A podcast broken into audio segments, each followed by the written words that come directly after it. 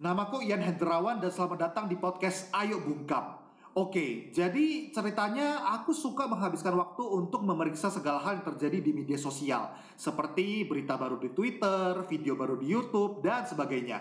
Dan aku menemukan suatu hal yang sebenarnya sudah cukup umum terjadi di semua media sosial Tapi entah kenapa hal ini agak mengganggu bagiku secara personal. Hal tersebut adalah postingan seputar zodiak, INTJ, IMPH, dan sebagainya banyak banget manusia yang memposting suatu konten kayak kata-kata Wah kamu kalau zodiaknya seperti ini Maka kamu gak cocok sama yang ini. Wah kalau kamu zodiaknya ini Maka kamu tukang selingkuh dan gak setia. Wah kalau kamu zodiaknya ini Maka kamu udah pasti gak akan sukses. Wah INTJ tidak akan cocok sama IMPH Wah IMPH tidak akan bisa kerja di perusahaan A, B, C, dan D. Wah kamu begini Kamu begitu. Dan masih banyak banget postingan-postingan serupa yang seperti itu kamu bisa cek sendiri setelah ini atau jangan-jangan kamu adalah orang yang sama dengan postingan seperti itu juga. Hmm, ya sebenarnya aku pribadi nggak ada masalah sama sekali dengan orang-orang yang percaya zodiak atau senang dengan INTJ, IMPH segala macam gitu. Karena ya memang sebenarnya hal-hal seperti itu asik untuk dijadikan sebagai topik bercandaan, ide film, suatu karya seni, dan sebagainya. Tapi akan menjadi masalah besar kalau kamu benar-benar percaya 100% dengan zodiak, INTH, IMPH, kartu tarot, sampai-sampai kalau misalkan semua hal itu berkata, kamu tidak cocok untuk kerja jadi ini, jadi itu, kamu tidak akan bersikap seperti ini karena kamu seharusnya begini-begini. Maka ya, tentu itu akan jadi masalah dong. Ya kenapa? Karena kalau kita perhatikan baik-baik ya, zodiak mana yang 100% akurat menggambarkan diri kita? Gak ada dan tes IETH, IEKW, UETH mana yang 100% menggambarkan diri kita secara akurat? Ya nggak ada.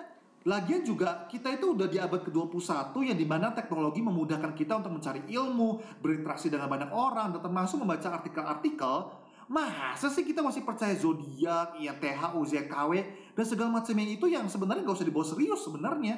Dan beda banget sama orang-orang di abad ke-18 atau 19 gitu. Ya di mana pada saat itu orang-orang rame banget mengantri kepada dukun, peramal, orang-orang pinter.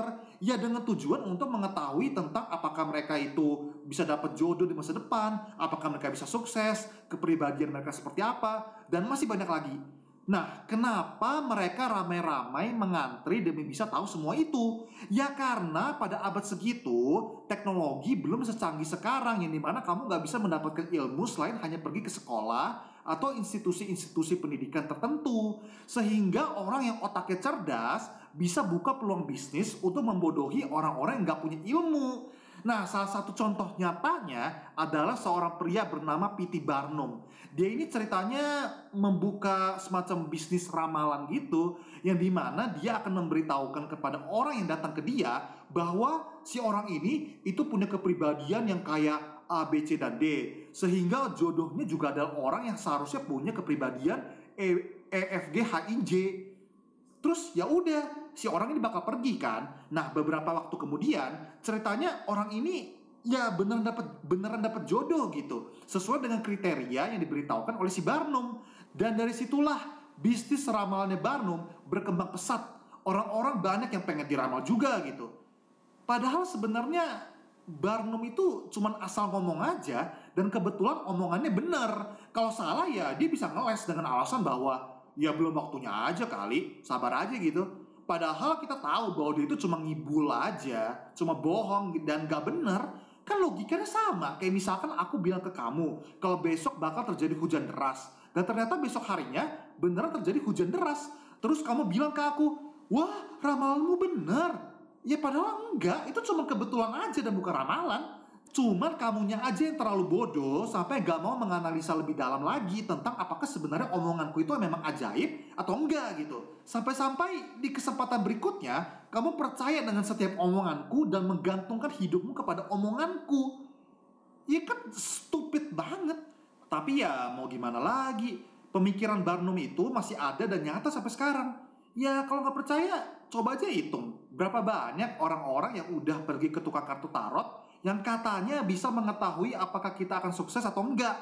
Dan kalau kita pikir-pikir ya sebenarnya sama ya kayak mitos garis tangan gitu yang katanya kalau misalkan garis tangannya begini maka dia akan sukses. Kalau garis tangannya nggak sesuai dengan yang udah yang udah ditetapkan, maka dia nggak akan sukses.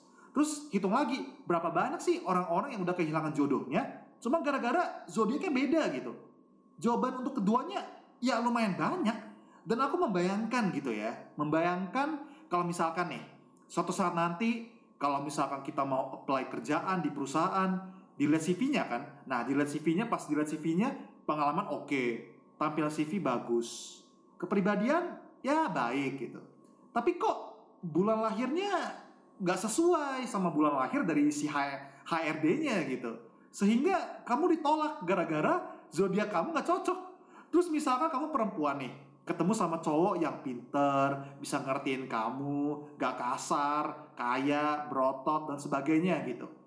Tapi kamu gak mau sama dia gara-gara zodiaknya Gemini. Dan kamu zodiaknya ya apa gitu terserah. Dan berdasarkan apa yang kamu baca, pemilik zodiak Gemini itu brengsek, gak setia, dan sebagainya. Sehingga kamu nolak dia, padahal dia benar-benar berbeda banget sama zodiak Gemini yang kamu baca itu. Itu kan kalau misalkan benar-benar terjadi ya, tanda-tanda kiamat sih. Apalagi kalau misalkan ya suatu saat nanti nih, suatu saat ya. Misalkan pemerintahan Indonesia balik, la- balik lagi ke Orba, terus dikasih pengumuman ke semua warga negara bahwa setiap warga negara yang zodiaknya tidak sesuai dengan zodiak dari Presiden Negara Republik Indonesia, maka orang tersebut akan dibunuh dan mayatnya akan dibuang ke lautan. Pasti reaksi pertama yang akan keluar dari mulut kamu adalah, kok stupid banget sih cuma gara-gara beda zodiak doang kok mau dibunuh? Ya iya sama stupidnya sama orang-orang yang ngejudge berdasarkan zodiak, INTJ, IMPUH dan sebagainya. Ditambah dengan gak mau pacaran sama yang zodiaknya beda, gak mau ngobrol sama yang zodiaknya beda, gak mau minjemin buku ke orang yang zodiaknya beda, gak mau berteman dengan INTJ, gak mau berteman dengan IMPH dan hal-hal yang sebenarnya stupid gitu.